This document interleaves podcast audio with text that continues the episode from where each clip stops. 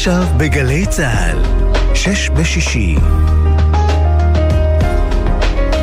הבית של החיילים, גלי צה"ל.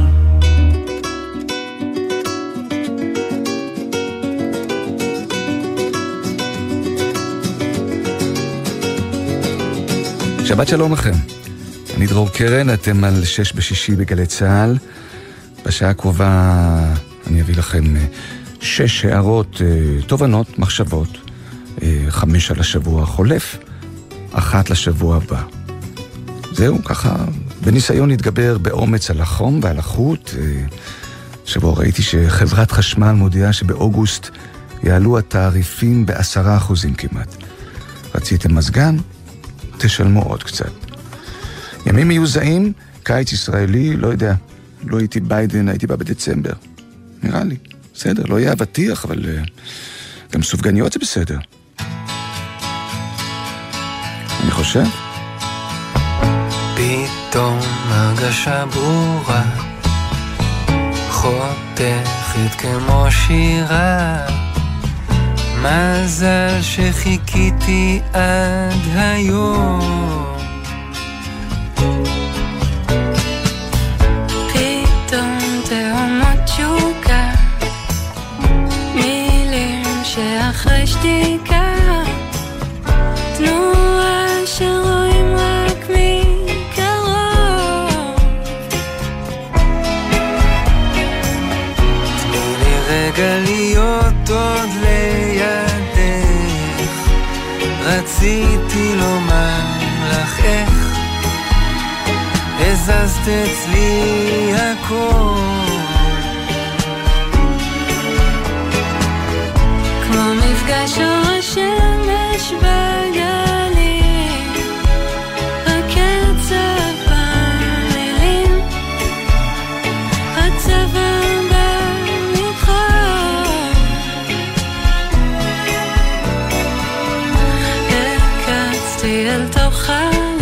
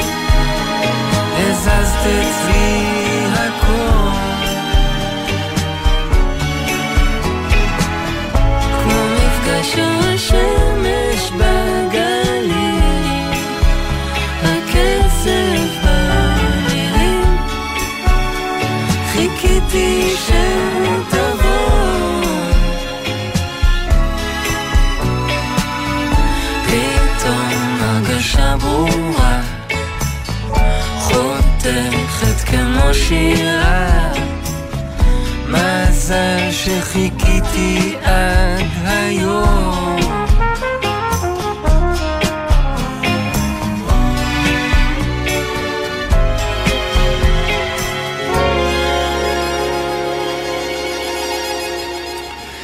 אז אולי אה, נתחיל ככה, כותרת מרעישת לכת, ככה אומרים, ש... חושפת אותנו למחקר חדש שהייתה בתחילת השבוע. אני אוהב את הדברים האלה. מחקרים, סקרים, אה, גילויים חדשים. ככה, בואו תגידו לנו משהו שלא ידענו, שעוד לא שמענו, שהוא קצת אה, יותר מעניין ממה שמקיף אותנו. אז קבלו, צפרדעים, גילו חוקרים, בליבי תורנות, מקננות על צמרות עצים. לא כולם, כן? זן אה, מסוים. אלה, אלה, הצפרדעים האלה, ואם הקרקע לא קצת נשמטת לכם כשאתם שומעים את זה, אם אתם לא מתערערים, סימן שאתם בסדר. מה אני אגיד לכם? אני... אני... אה, לא יודע, אני בא מהדור הישן, מהאסכולה שגורסת שאין לצפרדעים כנפיים, ושקוואקווה זה תמיד היה בשלוליות או בביצות, לפני שייבשנו. נרעשתי מזה שהצפרדעים עלו לפנטהאוז. על ראש הברוש שבחצר שמחה וקרפדה. ידעתם אגב שיש, זה שמעתי לפני איזה חודש בערך, מאיזה זואל, זואולוג מומחה, שיש זן מסוים של צפרדע באלסקה שיכולה לקפוא לגמרי, לקפוא, ולחזור לחיים לאחר הפשרה. לא גאוני? זה המזג אוויר, אני זורמת איתו. קפוא, אני קופאת, מפשיר, גם אני. אז לא יודע, אולי זה החום עושה לי את זה פה. החום שלנו שמבשל את הראש וגורם לי לרגע לרצות להיות צפרדע. עם האופציה הזאת של אסקפיזם איכותי כזה, של להיות למעלה בשקט בצמרת העץ, או לחילופין, לקפוא קצת. עד הבחירות, לקפוץ על יולי-אוגוסט, על הפקקים, תארו לכם, לסגור את הדלת, לסגור את החלונות, לשים את המזגן על המינוס המקסימלי, ולהתעורר מתישהו. או לחילופין, לעבור לקיבוץ. גם אופציה.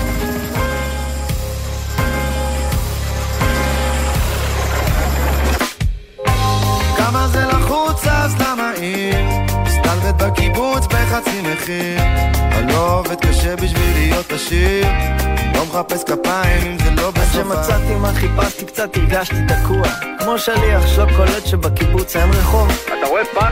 יש פה במפר? וואו, אתה לא קרוב. עד שמשהו נפתח בי לא ידעתי שחיפשתי הזקנה על קלנועית שתצא עליי. בחור, אתה טס כמו חללית. וואלה, פה זה לא מרוץ, פה לא צריך ללחוץ, פה לא. נורא אם לא יהיה חרוז.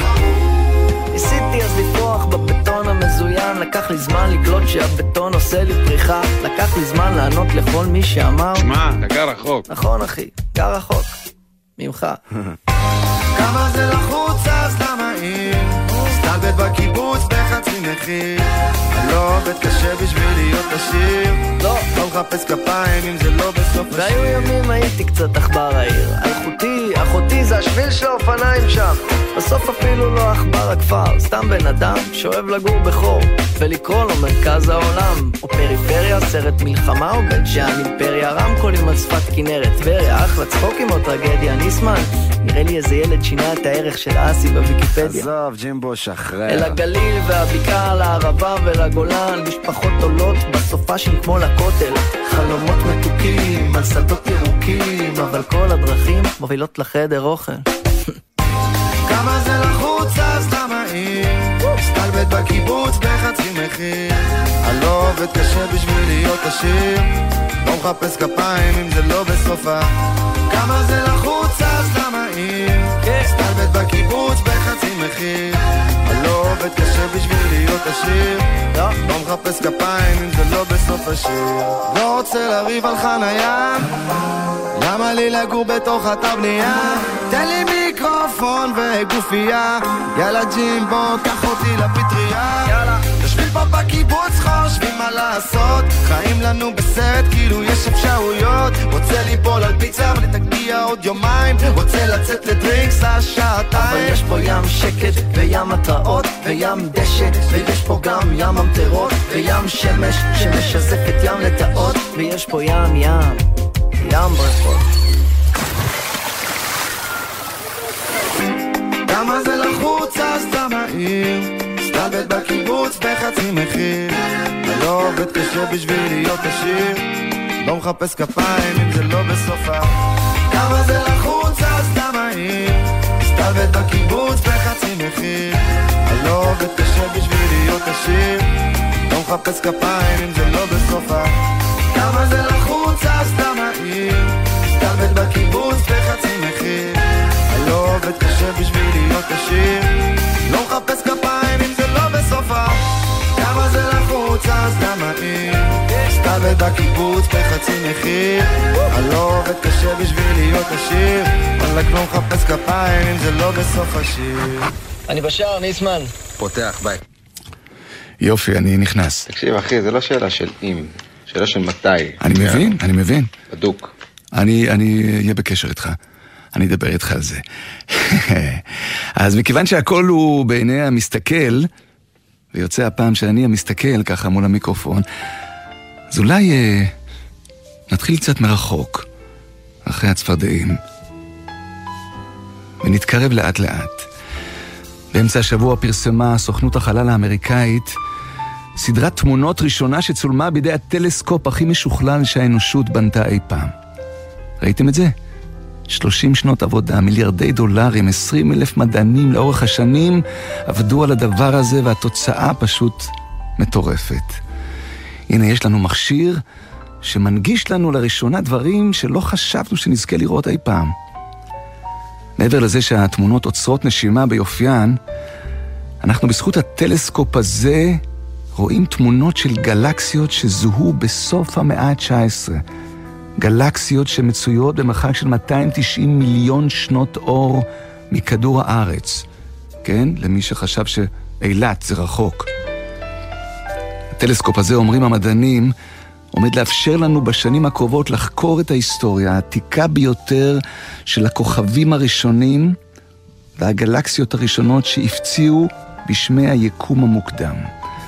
אנחנו נבין הרבה יותר איך כוכבים נולדים ואיך הם מתים, וגם, שימו לב לזה, הוא יגלה לנו כוכבי לכת שבהם יש תנאים מתאימים להתפתחות חיים. לא יודע, יש משהו מרגיע ב... לדעת שיכולה להיות לנו עוד אופציה, עוד מקום. זה אחד. ושתיים, כמה קטנים וזמניים אנחנו. זה גם טוב לזכור.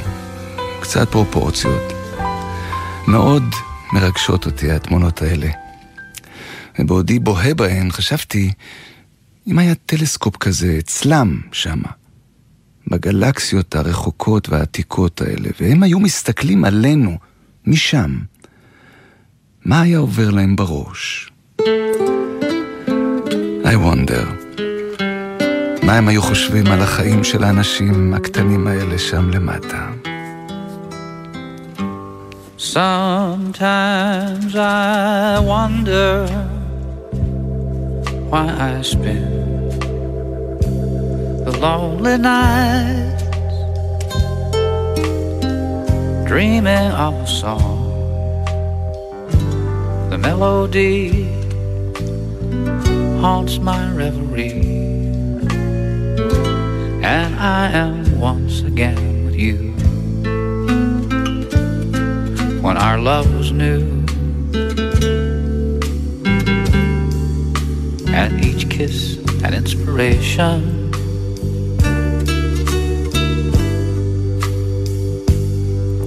But that was long ago. And now my consolation is in stardust of a song. Beside garden wall when stars are bright. You are in my arms. The nightingale tells his fairy tale of paradise where roses grew. Though I dreamed in vain in my heart there always will remain my stardust melody, the memory of love's refrain.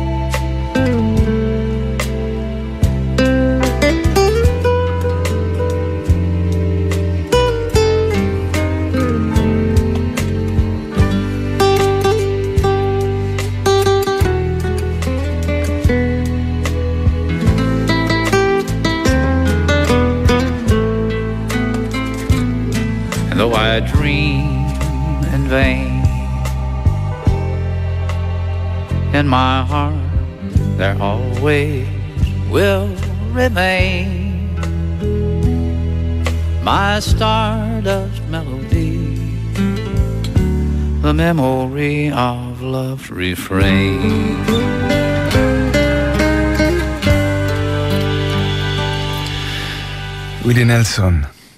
אז uh, מהשמיים הרחוקים, בטיסה ישירה, נחזור חזרה ללחות ולאי נוחות שלנו.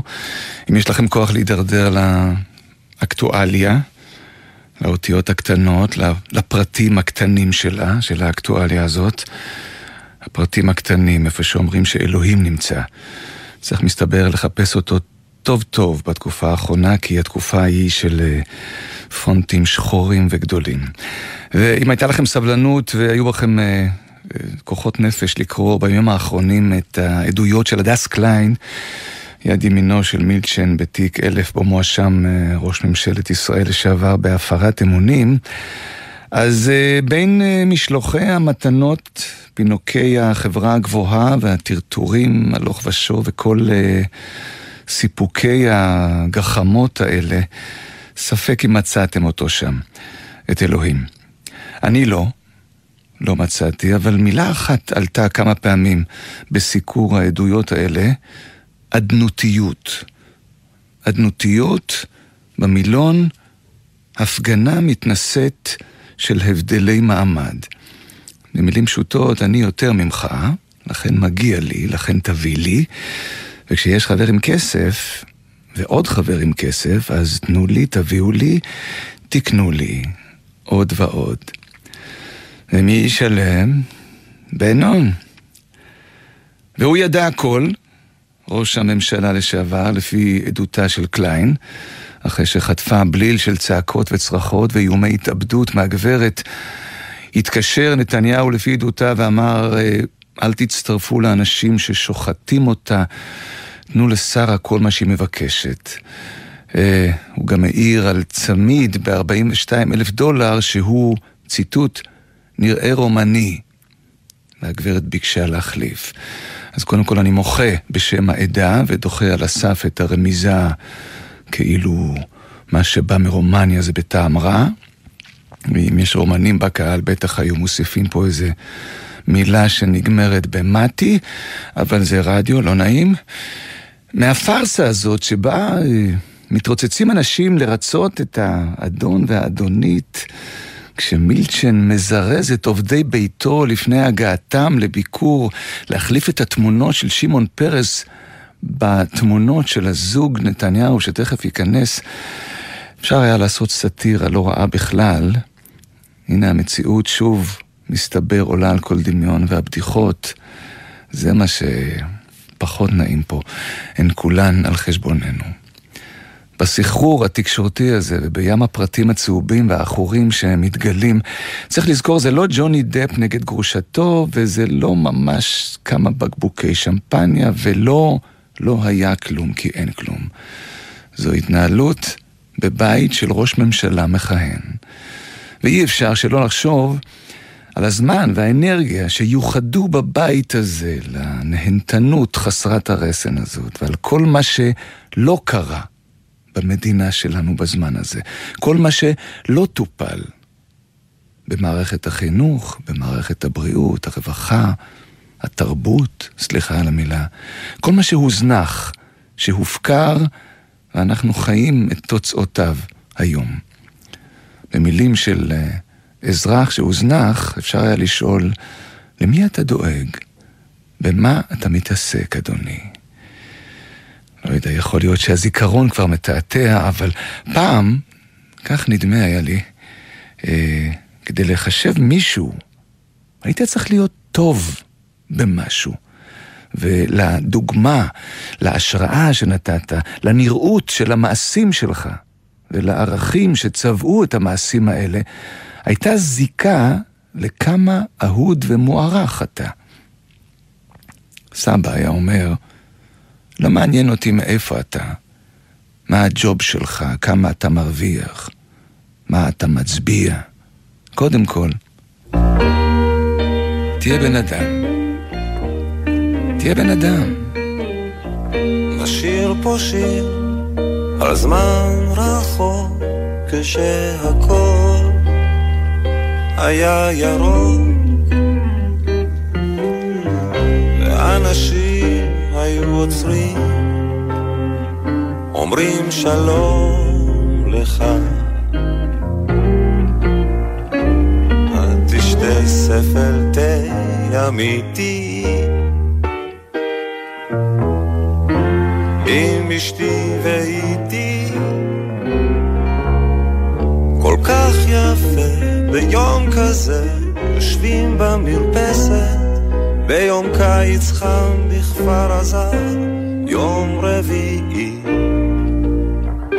נשיר פה שיר על זמן רחוק כשהכחול היה עמוק. והאוויר היה נקי כולם היו איתך. תשתה ספל תה אמיתי. עם אשתי ואיתי. כל כך יפה ביום כזה יושבים במרפסת ביום קיץ חם בכפר עזה ערב חמישי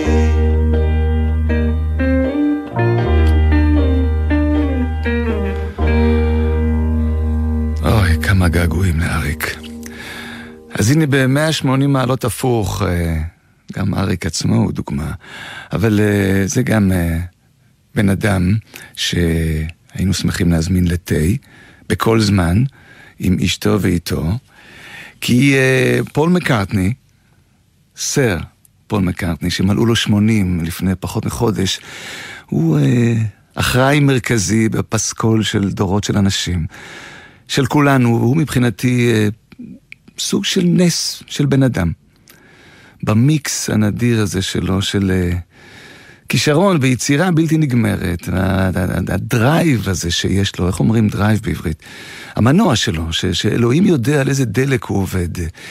לחפש ולייצר ולהפיק ולכתוב דברים חדשים ולהופיע איתם, גם בגיל 80.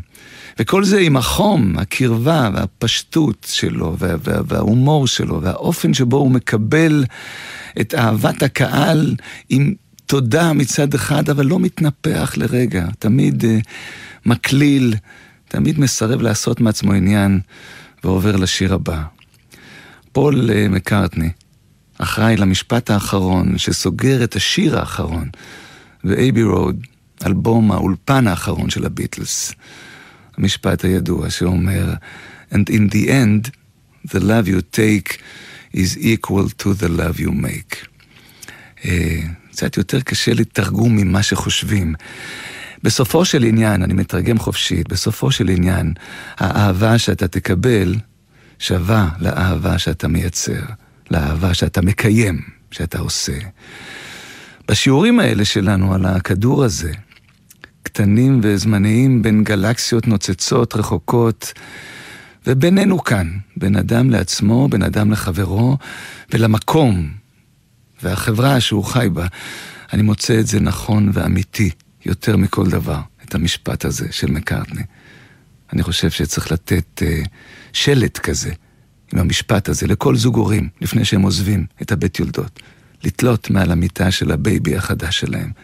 עד שהוא יתחיל לקרוא, עד שהוא יבין, עד שהוא יפנים, וייתן ויקבל אהבה במידה שווה. עד אז אפשר פשוט להראות לו, להשמיע לו ולעצמנו את סר פול מקארטני. And when I go away, I know my heart can stay with It's understood, it's in the hands of my love. And my love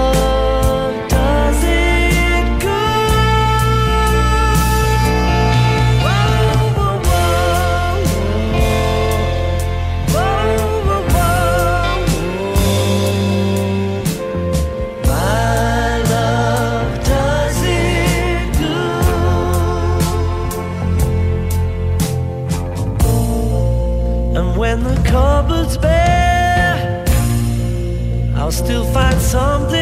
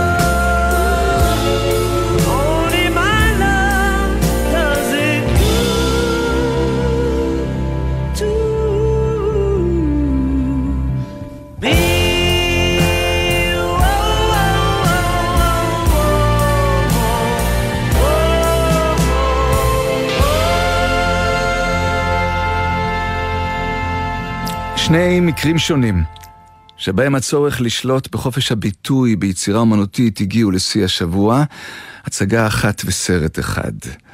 אז בואו נתחיל עם התיאטרון רגע. כך כותבת יעל טל, היוצרת של אינסטינקט בסיסי. הצגה שלה שותפות גם נעמה רדלר וענת דרימר. יודעים, ציטוט, יודעים שאי שם, מרחק חצי שעה נסיעה מכאן, משהו רע מבעבע. להשאיר אותו אטום במרתפי התודעה, זאת פעולה אקטיבית. היא שמה גבול גס לחלומות שלנו, לדמיונות שלנו על העתיד. אנחנו רוצות לחיות בארץ הזאת, קשורות אליה, מוצאות בה מקלט של אהבה, שייכות ושפה, אבל אם משהו כזה מבעבע במרתפים, חייב להיות לזה מחיר שאנחנו לא לוקחות בחשבון. לתוך החזרות שלנו, הבאנו צעקה אמהית חזקה, שאלנו שאלות כואבות על תפקיד הנשים פה ועל האינסטינקט האמהי ההולך ומתקהה בארץ הקשוחה הזאת, שלפעמים נראית לנו כמו בסיס צבאי אחד גדול. סוף ציטוט. ההצגה הזאת יצאה לפני כשנה, היה קשה להשיג כרטיסים, ויש בה קול ייחודי עם חמלה, הומור וגם ביקורת. כל זה דרך קול נשי שכל כך נדיר לשמוע. בעולם הגברי והצבאי שלנו. אז אולי הגיע לאוזניכם, אני אספר בקיצור את הכרונולוגיה, ההצגה הוזמנה על ידי תיאטרון הפרינג' בבאר שבע לפני חודש בערך.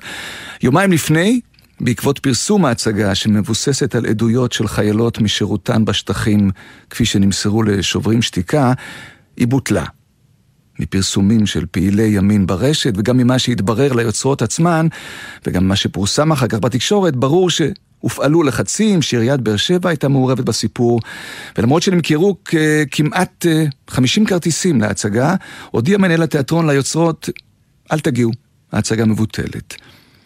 בתגובה שחתומה בידי ארגון הקרוי בצלמו, זכויות אדם ברוח יהודית והוועד להצלת הנגב, נכתב בין השאר מחזקים את תיאטרון הפרינג', אנו תושבי באר שבע גאים בהנהלת התיאטרון אשר בחרה לבטל את ההצגה. אנו פועלים כנגד הסתה בחיילי צה"ל ואנחנו תושבים אכפתיים ולכן רוכשים מנוי לתיאטרון הפרינג'. סוף ציטוט. תגובות האומנים והאיגודים לא איחרו לבוא, יוצרים רבים שהצגותיהן היו אמורות להתארח בתיאטרון הפרינג' בבאר שבע ביטלו את בואם. נכתב מכתב לשר התרבות והספורט, חילי טרופר, שעליו חתמו עשרות אומנים אה, מכל התחומים, אני ביניהם. שאלנו, ביקשנו לשמוע. דעה נחרצת העומדת לצד חופש הביטוי. התגובה הפושרת אה, שהצדיקה את שתיקתו את הימנעותו של השר מכל פעולה, או לפחות ברור בנושא, הסתכמה באמירה עדיף שפוליטיקאים יתערבו באופן המינימלי במוסדות תרבות.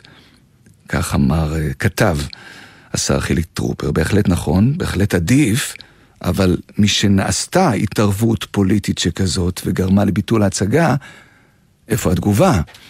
הסאגה הזאת לא נגמרה, אחרי כמה ימים אה, פורסם מכתב נוסף אל, אה, שכוון אל שר התרבות והספורט מטעם אותם היזמים והפועלים לביטול ההצגה, וכך נכתב בו לכל הארגונים שמחרימים מיליוני אנשים, מכתב זה נשלח אליכם כאזהרה, אם תמשיכו בחרם על תושבי באר שבע ועל תיאטרון הפרינג', יהיו לזה השלכות כלכליות ענקיות עליכם. סוף ציטוט.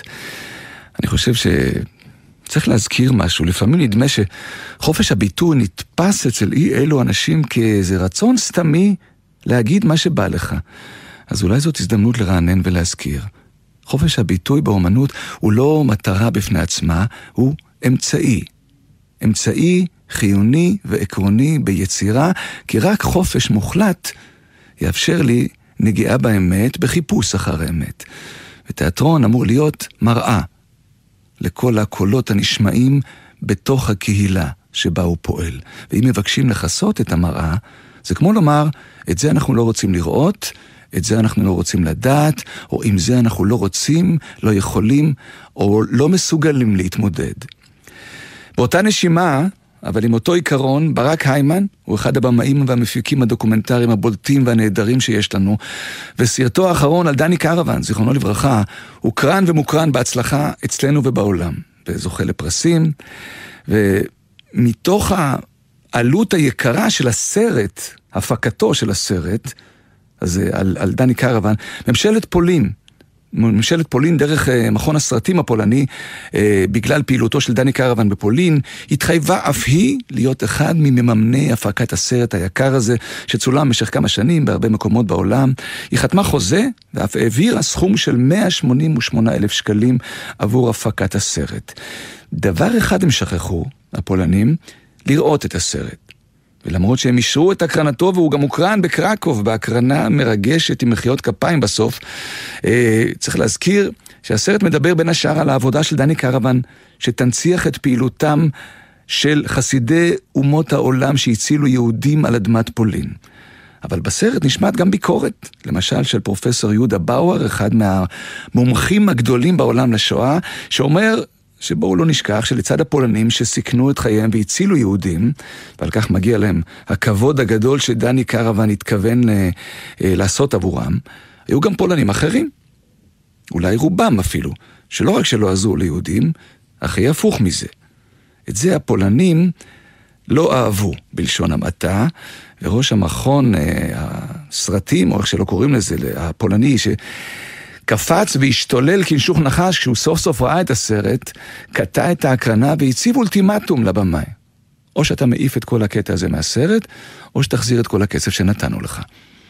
אז להיכנס לתביעות ומשפטים מול ממשלת פולין, אה, שביחסיה החדשים, במרכאות, עם ישראל, היא מבקשת לרחוץ את ידיה וגם את עברה, ולצייר את עצמה כקורבן, להלך הרוח הזה, אומר ברק היימן, אני לא נותן יד.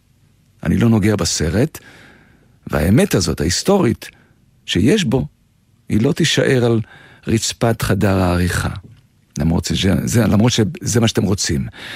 וברק אוסף עכשיו כסף, תאמינו לו, תאמינו או לא, כדי, כדי פשוט להחזיר לפולנים את מה שהוא הבין, וגם אנחנו, שימש עבורם בדיעבד כדמי כביסה. 188 אלף שקלים, מחיר האמת. סבא שלי, סבא משה, ידע להציל את משפחתו ולברוח מלודג', פולין, לרוסיה, שנייה לפני שהגרמנים נכנסו.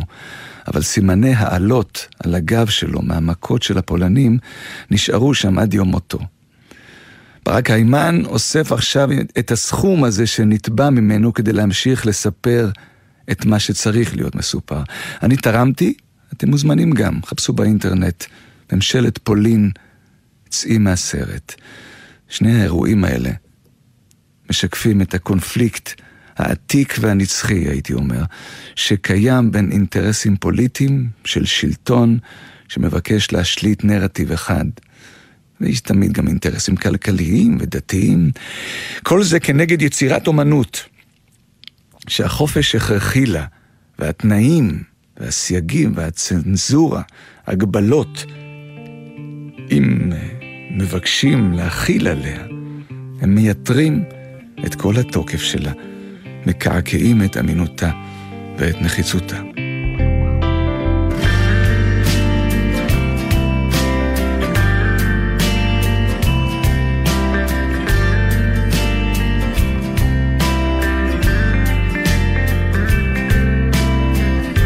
הגשר צר, לא כל אחד עובר בו, תלוי מעל נהר.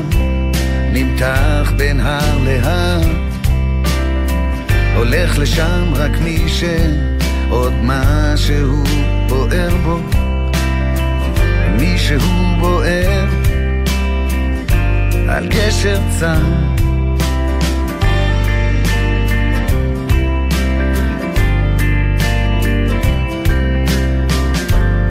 הגשר צר חורק תחת רגלינו. מעומס השנים הוא פה ושם נשבע וכמה פעמים כבר אמרנו לעצמנו שנפסיק לשמוח על גשר צר. גשר צר על הנהר לוקח אותי מהיום למחר. גשר צר על הנהר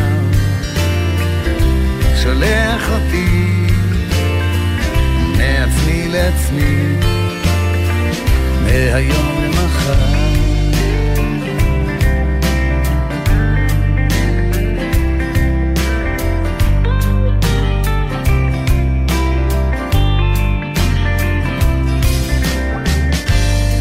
גשר צר, אין זמן להיעצר בו, רק מעטים הגיעו אל מעבר לנהר.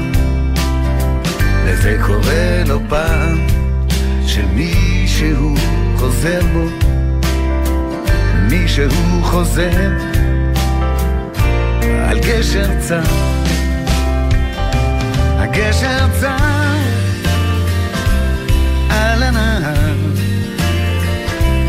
לוקח אותי מהיום למחר. הגשר צר על הנהר שולח אותי מעצמי לעצמי מהיום למחר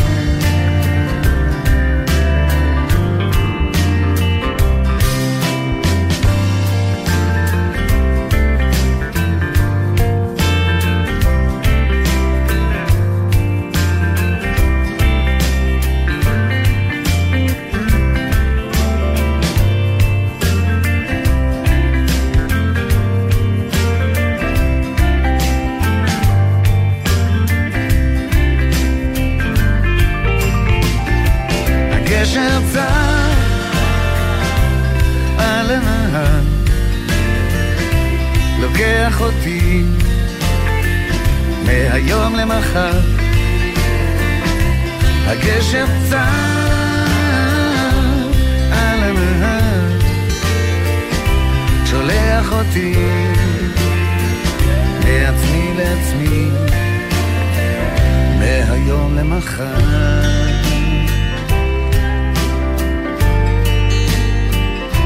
הגשר צר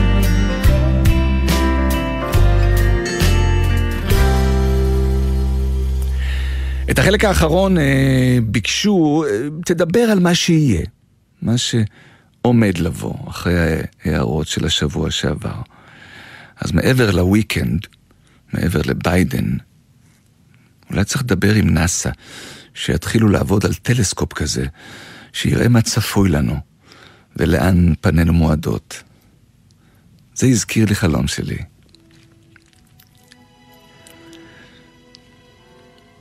אני הולך במדבר, חושך, רק הירח מאיר, אין כלום עד האופק. אני הולך והולך ומוצא את עצמי עומד מול הר ענק. ומשהו אומר לי בחלום, לך, לך, לך, תגיע למעלה. אתה חייב להגיע למעלה. שם מחכה לך איזו תשובה. מחכה לך תשובה. יתגלה לך משהו חשוב. וזה הר גבוה, וזה עלייה תלולה כזאת, ואיזה כוח פנימי מזיז אותי, ואני מתחיל לטפס, והלב דופק לי, אני מתרגש, ואני אה, נפצע ככה, הרגליים נפצעות בדרך, ואני אומר לעצמי, אל תישבר, תמשיך, תמשיך, זה שווה את זה. אתה חייב להגיע למעלה. שמה יש לך איזו תשובה. מגיע עד למעלה, ואני מתנשף ומזיע, ואני רואה על פסגת ההר, על תלולית עפר, יושב איזה איש זקן בעיניים עצומות ליד אש קטנה, ואני כאילו יודע בלי לדבר, זה הבן אדם שיודע הכל. את כל הסודות של הקיום. את כל מה שהאנושות ואני לא הבנו אף פעם, הוא יודע. דופק לי הלב בטירוף, ואני... והוא כזה מרגיש אותי מרחוק ומסמן לי עם, ה... עם היד, בוא, בוא, בוא תתקרב, ואני מתקרב אליו, ואני רואה שיש לו אה, זקן לבן כזה ועיניים חכמות, והוא עטוף גלימה לבנה עם פסים של תכלת, ואני אומר לו, שלום, כבוד הרב. והוא אומר, אני לא רב, אני סיני. חכם, סיני, זקן. אז אני באמת רואה שהעיניים שלו הוא כמו של בני העם הסיני, ושיש לו צמא מאחורה. סיני אוריגינל, אין יותר סיני ממנו. אני אומר לו, סליחה, חכם סיני, סליחה, אני באתי אליך, ידעתי שאתה פה ואתה, אתה, אתה, אתה תגיד לי. והוא אומר לי, מה אני אגיד לך? ואני אומר לו, את מה שאני uh, צריך לדעת. מה אתה רוצה לדעת? Uh, מה התשובה? אני אומר לו. מה השאלה? הוא אומר לי. ואני קולט שהוא צודק. מה אני בעצם שואל? מה אני שואל? מה אני נופל עליו ככה?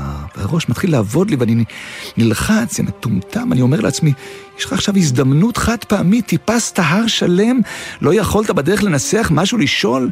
אתה עומד מול האיש הכי חכם בעולם? זאת הזדמנות חד פעמית, לא תהיה לך עוד אחת. ואיך באת ככה? איך באת בלי שאלה? ואני מסתכל עליו שאולי הוא יעזור לי, הוא מהמהם ככה, לא יודע מה, ועוצם עיניים. ואני לא יודע אם זה הוא, בגלל שהוא מנמנם או מתקשר עם מאו צטונג או משהו. הוא עושה סתם מדיטציה. ואני אומר לעצמי, אתה לא יכול ללכת ככה. לא תהיה לך עוד הזדמנות, תגיד משהו, לא יודע מה, תגיד משהו, לא חשוב, אל תפחד. ואני שומע את עצמי אומר בקול רם, החיים קשים. הוא פותח את העיניים ואומר לי, בהשוואה למה? צודק, צודק. מה אני אומר קשים? מאיפה אני יודע כמה הם קשים? למה יש לי רפרנס לאיזה משהו אחר? זה החיים הראשונים שלי. אני אומר לו, תודה, תודה, אתה צודק, כבוד הרב. והוא אומר, אני לא רב. אני לא רב, אני אומר לך. ואני מתנצל שוב, סליחה, סליחה, כבודו, זה בגלל הדבר הזה שאתה לובש, זה נראה כמו טלית, וזה הזכיר לי טלית, כמו אצל היהודים. הוא אומר לי, אני סיני. מכפר קטן דרומית לשנגחאי. אין לי נגיעה בשום צורה ליהדות. אני אומר לו עוד פעם, סליחה, סליחה, והוא מהנהן, ועוד פעם עוצם את העיניים, ונהיה קר, וניסיתי להתקרב לאש, ופחדתי להפריע לו, ומצד שני לא יכולתי לעזוב ככה, ואמרתי, אז חכם זקן, אפשר שאלה אחרונה? תשאל. הוא אומר לי בעיניים עצומות, יהיה טוב? אני שואל אותו. הוא פוקח עיניים ומסתכל עליי ואומר, בעזרת השם. בעזרת השם. התעוררתי ככה מהחלום והרגשתי שעברתי איזו חוויה רוחנית מצד אחד ומצד שני לא. לא. מה זה בא להגיד לי כל זה? אמצע הלילה, אני קם בשקט מוטרד, רציתי לשתות כוס מים, ובצד השלישי, שהלכתי לכיוון המטבח, דפקתי את האצבע הקטנה ברגל של המיטה. נהיה כואב ברמות, נהיה כחול כזה על האצבע, שמתי קומפרס עם קרח, וישבתי בסלון וחיפשתי להניח את הרגל על משהו, ולא מצאתי מה, אז ככה הוצאתי מהספרייה איזה ערימת ספרים, אה, ושמתי את הרגל, הנחתי אותה. והספר הראשון בערימה, אני פתאום קולט, זה מתכונים של אוכל סיני. ועל הכריכה, אהרוני, עם צמא, מחייך אליי, ככה על הצד, כאילו הוא יודע משהו שאנחנו לא יודעים.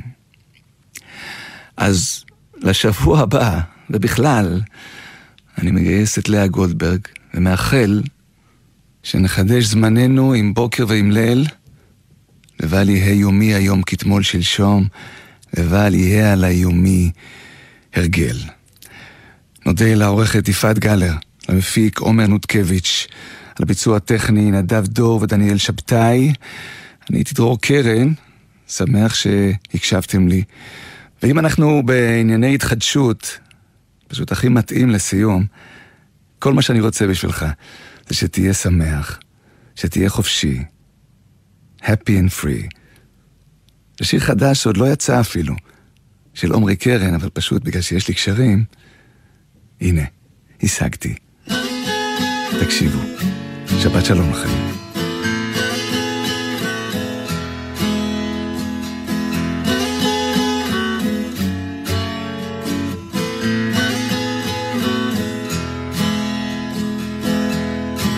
Would you listen here? Got a thing to say. Cause I feel that lately you've been wasting away. And it shouldn't help, but I have to try. I'll do anything I can to see you fly. All I want is for you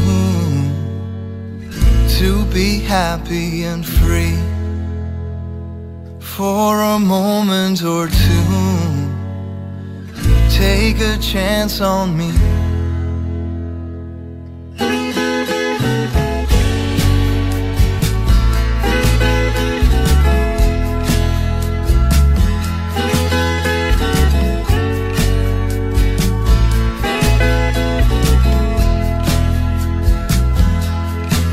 You say many things, never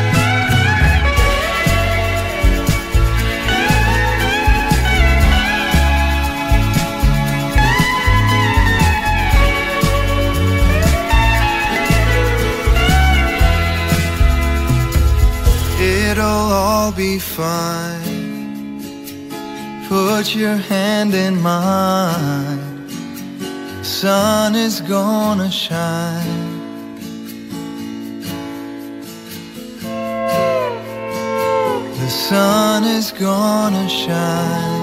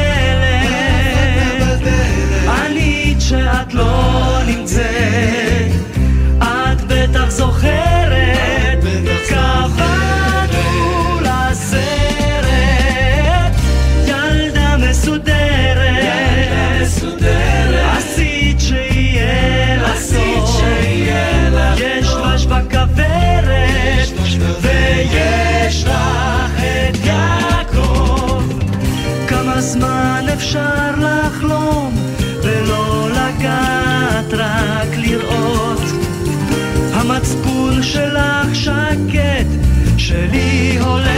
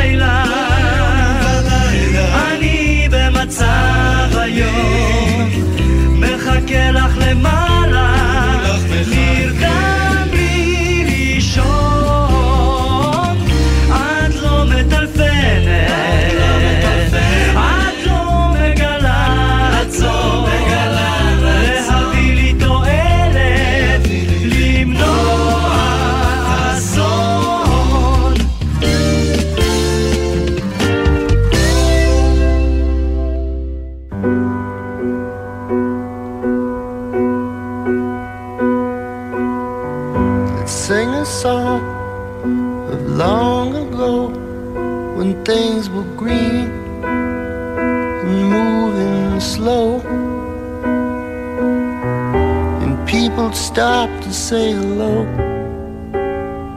or they say hi to you.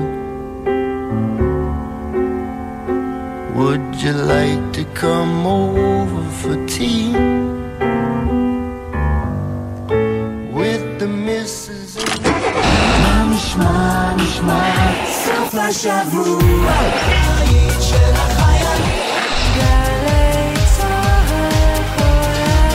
גלי צה"ל, יותר מ-70 שנות שידור ציבורי. שלום, כאן הדוקטור אייל חשביה, מומחה בכירורגיה טראומה ומנהל תחום הכירורגיה הדחופה במרכז הרפואי איכילוב תל אביב. כשאתם שומעים בחדשות על ילד שנפגע בתאונת אופניים חשמליים או גלגינוע, קורקינט חשמלי, אני שומע את ספירות האמבולנס, את צפצוף מכונות ההנשמה, את צעקות הכאב של הילד, ואת הבכי הקורע לב של הורים שבורים. אם ילדכם לא הגיע לגיל 16, אל תאפשרו לו לרכוב על כלים חשמליים. אל תיתנו לילד שלכם להגיע למחלקה שלי ולעבור חודשים של שיקום. עוד מידע על רכיבה בטוחה, חפשו באסקרלבד.